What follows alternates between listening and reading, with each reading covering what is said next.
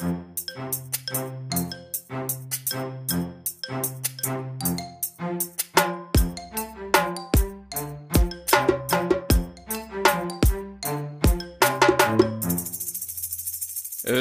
välkommen tillbaka till Stacken tillsammans med mig, Daniel Gustafsson och Kim Hindart. Hubba. Idag Kim hade vi ingenting att prata om kom vi fram till. Eh, det här, vi satt där och funderade på vad ska vi prata om idag så hade vi ingenting kreativt att prata om alls. Vi kom totalt så här järnfjärt bägge två liksom sådär. Och då tänker ni vad då? Sitter, har ni inte ni ett klart schema innan liksom? Ni börjar prata varje gång exakt vad ni, vad ni tänker göra? Jo, oftast. Men idag var en sån där dag när vi hade järnfjärtsvarning liksom sådär. Men då sa du en lämplig sak och det kanske anknyter lite det till saker och vi har pratat om i tidigare avsnitt det här med vad är infrastruktur, vad är PAS och SAS och sådana saker har vi gått igenom. Såna här, vad är diskussioner och då kanske vi ska fortsätta den lite snabbt för du sa en bra grej. Du sa att jag tror att det finns för många som inte riktigt vet skillnaden på infrastruktur som tjänst och köpa en server. Och det höll jag med om. Så låt oss reda ut. Vad är skillnaden på att köpa en server och infrastruktur som tjänst? Som molnleverantör så får vi väldigt mycket fina förfrågningar. Speciellt nu när vi ändå bygger väldigt hårt på det här med att vi ska leverera fullt compliant, alltså vi har full, löst full regelefterlevnad enligt GDPR och enligt det här och det börjar ju bli hett topic just nu. Men i våra delar. Mm. Du som kund som nyttjar det här måste också lösa i dina delar. Här blir det ett litet problem då. Så vad menar du med våra delar och deras delar? Vad, Exakt, inte det, för inte vi levererar delar? infrastruktur som tjänst. Mhm. Och det här lite som jag brukar säga till alla som lyssnar att vi är, är uttryckligen ett steg ifrån vägguttaget. I digital sammanhang så levererar vi saker i ett vägguttag. Tänk er oss som två hål i väggen. Är du en Mm. genuin, ren infrastrukturleverantör, då är du två stycken digitala hål i väggen. Det är vad du är. Ja, det är Du är- uttryckligen våra, våra tekniker som springer och stoppar stickproppen i väggen för att få el till Precis. burkarna. Det är vi. Och då har vi massa olika varianter av elleveranser. Vi har allt från batteribackuper till reservkraft till flera olika elfeeds. Och de här ska ju kunna bytas om hur som helst. En ska kunna släckas och dö när som helst och en ny ska kunna startas upp. Så länge vi har kraft hela tiden, som inte blir avbruten någonstans, så kan den komma från en massa olika källor. Det är lite samma med internet. Vi har en massa olika internetproviders. Vi är inte bara en. Vi har en hel bunt som tillsammans levererar internet. Och det är för att kunder i moln så att säga ska alltid kunna ha tillgång till internet. Men en gång kan det komma från Tele2, Telia, Telenor, IP Only. Det spelar ingen roll, vi har massa olika leveranser ut också av internet. Så du ska hela tiden kunna ha internet och vi har massa olika leverantörer där. Men du märker inte det som kund så att säga, för du har internettillgång Mm. i molnmiljön. Det här är ju sånt som man så att säga bygger upp då. Men vad är det då vi genuint levererar? Vad är faktiskt storheten som du äter av oss från leverantör så att säga? Vad är det du, du får? Och du får compute, Mm. alltså CPU-ram. Mm. Du får storage, alltså ren lagring per gigabyte. Och du får, vad heter det, networking, alltså nättrafik. Det får du mätt per sekund och så betalar du för hur mycket du äter av det. Mm. Mätt per sekund. Ett sätt att få det här, naturligtvis, det här ska ju omsättas till någonting vettigt. Och ett sätt att få det här, det är att göra om det till en virtuell server. Mhm. Mm. Problemet är att i den traditionella outsourcingvärlden, då köpte du oftast en server av en outsourcingfirma. Och då var det oftast ett blad som sattes i ett rack. Det var en fysisk server. En kund, ett behov, en server, ett fysiskt blad. Mhm. Sen så kom ju virtualisering och gjorde att du kunde sälja det lite mer effektivt. Så du kunde sälja virtuella servrar.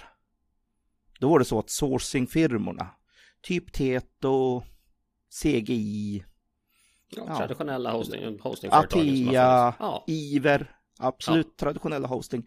Eh, De gör så att då säljer de en konsult on top som tar hand om den servern och sen så är det en server för en tjänst typ som du får då så att säga. Och ja, tidigare var det ett fysiskt blad, men idag så har det blivit virtualiserat, så det är en virtuell server Ja. som du får. Men då är det uttryckligen, jag säljer en server med tillhandahållande manage på den som du får. Och så får du sätta upp vad du vill inne på din server. Men då är det ju så att säga mer färdigtuggat och klart. Det som jag tror är extremt förvirrande, det är att infrastrukturleverans av moln, så kan du ha en massa images där du kan sätta upp din egen server. Mhm. Och då tror man att försäljningen är en server. Nej, tyvärr, molnleveransen av ren infrastruktur slutar innan servern. Mhm. Det är alltså Compute Network och Storage. Om den enskilda virtuella servern som du som kund sätter upp försvinner Mm. och dör så har inte det brutits mot infrastrukturleveransen av Compute Network och Storage. Så länge Compute Network och Storage levereras så kan en enskild server bara försvinna helt och hållet. Vad menar jag med det? Jo, det är ju så att en enskild server kan sitta på en enskild maskin Mhm. och sen den maskinen kanske av någon anledning måste startas om, måste rebootas, måste uppgraderas. Om man tänker sig ett genuint moln, ja det är en massa sådana här fysiska maskiner. De kan uppdateras väldigt ofta. Mhm. De kan uppgraderas väldigt ofta. De kan patchas väldigt ofta. Det är viktigt då att man förstår. Det påverkar inte det SLA vi ger till kunderna. Nej. Eftersom vi ger ett SLA på compute, så så länge det finns compute någonstans, Mm. så länge inte alla maskiner dör på Alltså, en och samma gång, Ja, precis. Går hela vår hall ner? Ja, nu. har vi brutit mot det. Nu har vi brutit. Men en enskild maskin, ja, den kan startas om jättemånga gånger. Men då kan jag ju förstå att den kund som då tror att de har köpt en server och uttryckligen sätter upp en server och så dör den hela tiden och det är deras viktiga produktionstjänst. De blir alldeles vansinniga. Och det Såklart. förstår jag full förståelse. Såklart. För att i den traditionella sourcing-världen var det så det gick till. Mm. Men så är det inte ett moln. Här måste vi förstå. I ett genuint moln där du konsumerar infrastruktur som tjänst. Då måste vi förstå att det är precis som om jag på min sida som konsumerar el Mm. får strömavbrott varenda gång du byter leverans från A-fas till B-fas. Yes. Eller inte. Det går inte så. Man måste sätta upp det. Så att så länge en av faserna, eller en av feedsen, Mm. levererar ström så hålls det igång så får du inte strömavbrott. Nej. Och sen om en feeds går på reservkraft eller om det går på direktkraft från något, det spelar ingen roll. Mm. Så länge det finns matning i den feeden Mm. så kan det gå. Och så ska den kunna skifta mellan A-feeden och B-feeden fram och tillbaka hela tiden. Mm. Och det ska fortfarande inte spela någon roll. Därför att du ska inte dö för det. Och det är precis så man behöver sätta upp själva infrastrukturen ur ett elperspektiv. För att den ska hålla. Och det är precis så man måste tänka när man sätter upp någonting i moln där du faktiskt köper compute-kraft per sekund. Mm. Det är inte så att du köper en enskild server då. Det kan ätas genom containers. Det kan ätas genom ett direkt flöde, en direkt ström som bara ger dig compute-kapacitet. Eller så kan det vara ätas genom virtuella maskiner. Men det viktiga är då att man sätter ett kluster av dem. Man sätter flera som går på flera olika fysiska blad. För då är det inte jätterisk att alla går ner på samma gång. Så är det inte. Mycket mindre i alla fall. Utan det är ett i taget. Så att Mm. då kanske den har hunnit upp på det andra. Det är precis så här till exempel en sån typisk grej som Kubernetes fungerar. Den sätter upp tre workers, så kallade Mm. workers, där dina containers ligger på alla tre på samma gång. Så det är just att en kan gå ner. Och går en ner, då sätter man upp en ny någon annanstans och så är man igång igen. Så man har hela tiden tre igång. Av just det här, att inte tappa en. Utan att det gör någonting. Så att Nej. Du tappar inte avbrott. tjänsten. Nej, precis. Så blir det blir inte så funkar avbrott i tjänsten. Mm. Mm. Och det är samma du ska göra i moderna databaser idag. De allra flesta moderna databaser vill ha tre stycken Mm. VMar i ett kluster. Det blir ju såklart dyrare. Ja, Än bara blir ju, så blir det ju. Men här får man ju betala priset om man inte vill ha en massa nertid hela tiden. Mm. Och det här är precis grejen. Varför man lägger det i ett moln. Då har man redo att bygga det klustret på det här sättet. Mm. Men då ser man, alla applikationer stödjer ju inte det här. Nej, Vad gör man då? bygger om. Precis. Ja, men det går ju inte. Man måste ju kunna ta vilken app som helst och bara stoppa in det i molnet och bli jättebra. Nej.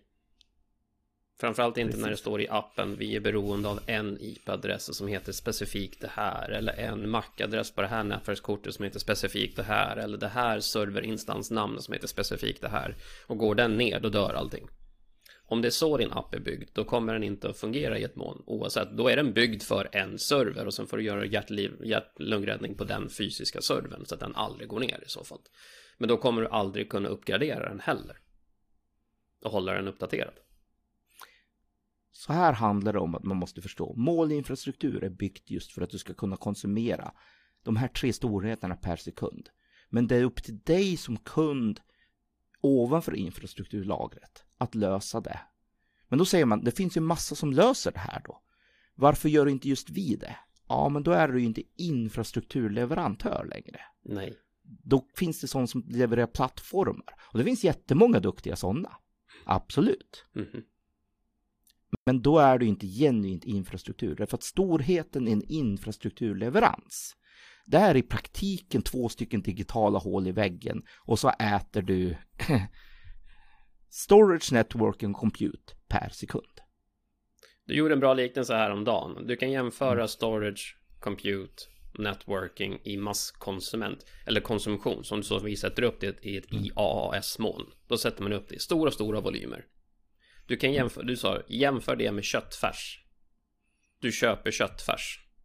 Sen om du vill göra en köttbulle, pannbiff eller en något annat, hamburgare av den köttfärsen är helt upp till dig. Och hur många är också helt upp till dig. Men det är som e IAS-leveransen är. Köttfärspaketet du köper på ICA. Mm. Absolut, och det är det här man måste förstå. Att om du förväntar dig en hamburgare och till och med en färdigstekt hamburgare med bröd, Mm. sallad och lite dressing. Mhm. Och så får du massa rå köttfärs att äta istället. Ja, Skitbesviken kommer du bli. Superbesviken. Exakt. Så att här måste man förstå att det är fundamental skillnad. Så ja, Mm. vi, vi som infrastrukturleverantör bryr oss faktiskt egentligen inte riktigt hur våra kunder konsumerar det. Vi levererar köttfärsen direkt ur köttkvarnen. Det är det vi är duktiga på. Mhm. Och då är den fullt certifierad och godkänd och sånt så att den har inte massa konstiga äh, vad heter det äh, kemikalier i sig, den har inte varit förstörd, den har inte blivit ommärkt datummässigt. Det är ingen salmonella här inte. Nej, det är vi duktiga på att se till att göra ur ett rent compliance-perspektiv. Mhm. Som kanske inte alla andra köttfärsleverantörer är duktiga på att göra. Mm. Men däremot så menar jag att det fortfarande direkt ur köttkvarnen. Så att om du är ute efter en köttbulle, då är det inte samma sak. Då måste du ha någonting emellan som gör köttbullen åt dig där. Mm. Så vi är väldigt, väldigt mycket digital råvara Mm. i leveransen. Det, det är så tyvärr så när man är långt ner i den. Sen finns det sådana som bygger mera uppåt. Mm. Och det ska inte förväxlas, för det är inte samma sak så att säga. Men infrastrukturleveransen, där är det genuint väldigt mycket. Mhm. Köttfärs och köttkvarnen direkt. Konsumera den. Och sen så kan du ta den i portionsvis som kund. Men då måste man vara medveten om som sagt. Att det krävs lite mera om du ska få utväxling av det här. Mm. Och då är vi tillbaka för varför kan jag inte bara ta min gamla traditionella hosting och bara sätta i ett mål och det blir så mycket bättre. För att den är inte byggd för det beteendet. Förmodligen, med största sannolikhet. Så när du bygger nytt, nu kan du genuint få ut någonting bra av det här. För vad är det då man kan få ut bra? Jo, man kan få ut att man kan förändras mycket snabbare. Just det. För du nämnde det tidigare, pris. Alla hänger upp sig på att det ska bli billigare och det, det ska vi nog, det har vi sagt tidigare, ta död på den myten här nu. Det är absolut inte nödvändigtvis billigare att sitta i ett moln. Men upptidsmässigt, förändringsmässigt är det vansinnigt mycket mer effektivt än att sitta på en fysisk burk i källaren. Det går mycket snabbare att förändras Mm, här i molnet. Men här måste man vara beredd på som sagt att man säger det själva konceptet pets and cattle.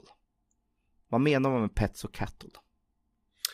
Om du har ett husdjur som heter Tusse och det är en kanin och du älskar Tusse och så blir Tusse sjuk.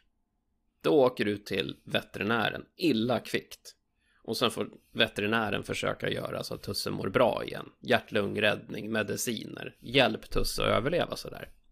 Det är ett pet, det är en husdjur.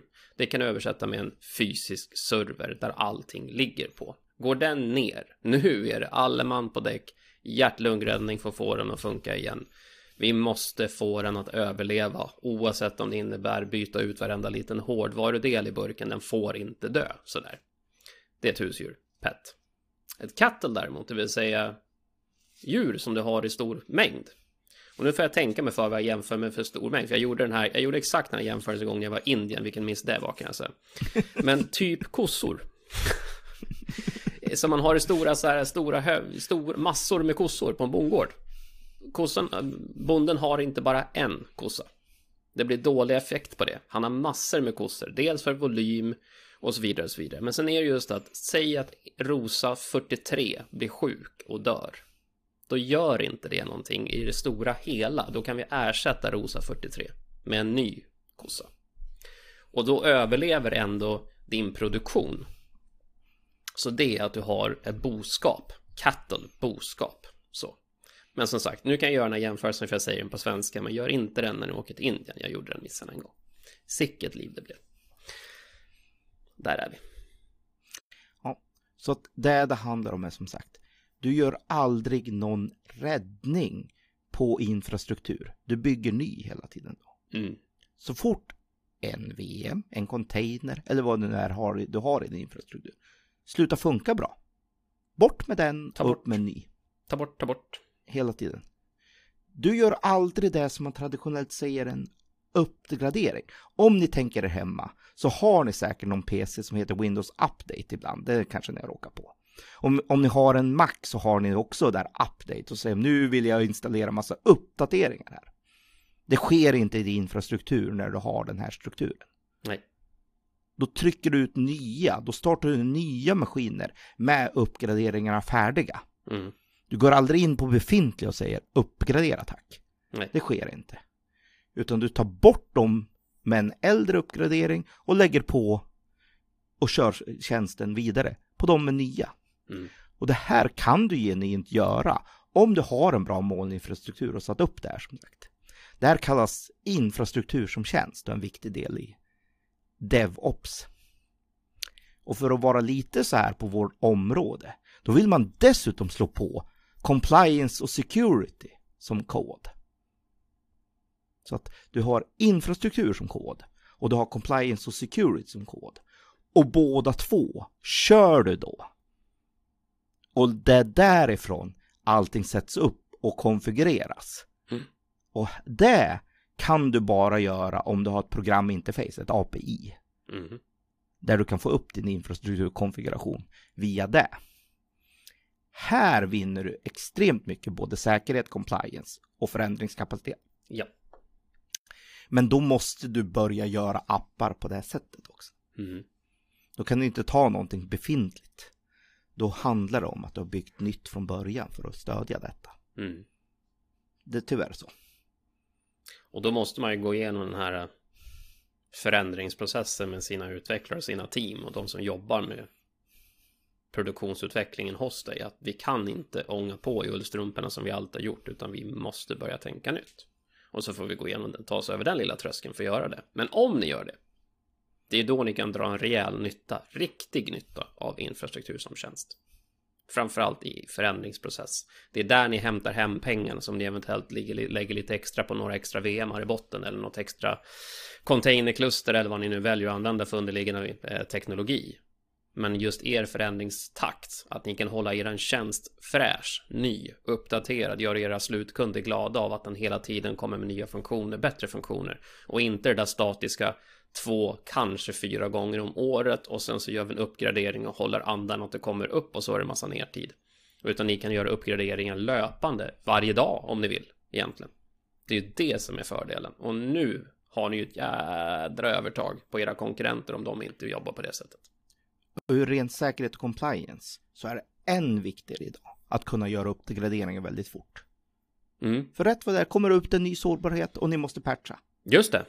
Herregud när de och kommer. det är jätteviktigt då att det kan gå fort. Mm. Och då är det jätteskönt att ha det på den här strukturen. För då går det Mm. jättefort att göra de här förändringarna och snabbt att vara anpassad. Mm. Jag kan säga att det finns många som fortfarande sitter och sliter sig i håret. Med till exempel Log4j som var ett känt sårbarhet som kom för några månader sedan. Just det. Än Ja, det- idag så finns det många som inte vet hur man gör det. För att det är så statiska miljöer i så stor drift och omfattning så man kan bara inte stänga ner dem så man vet inte vad man ska ta sig till riktigt. Nej.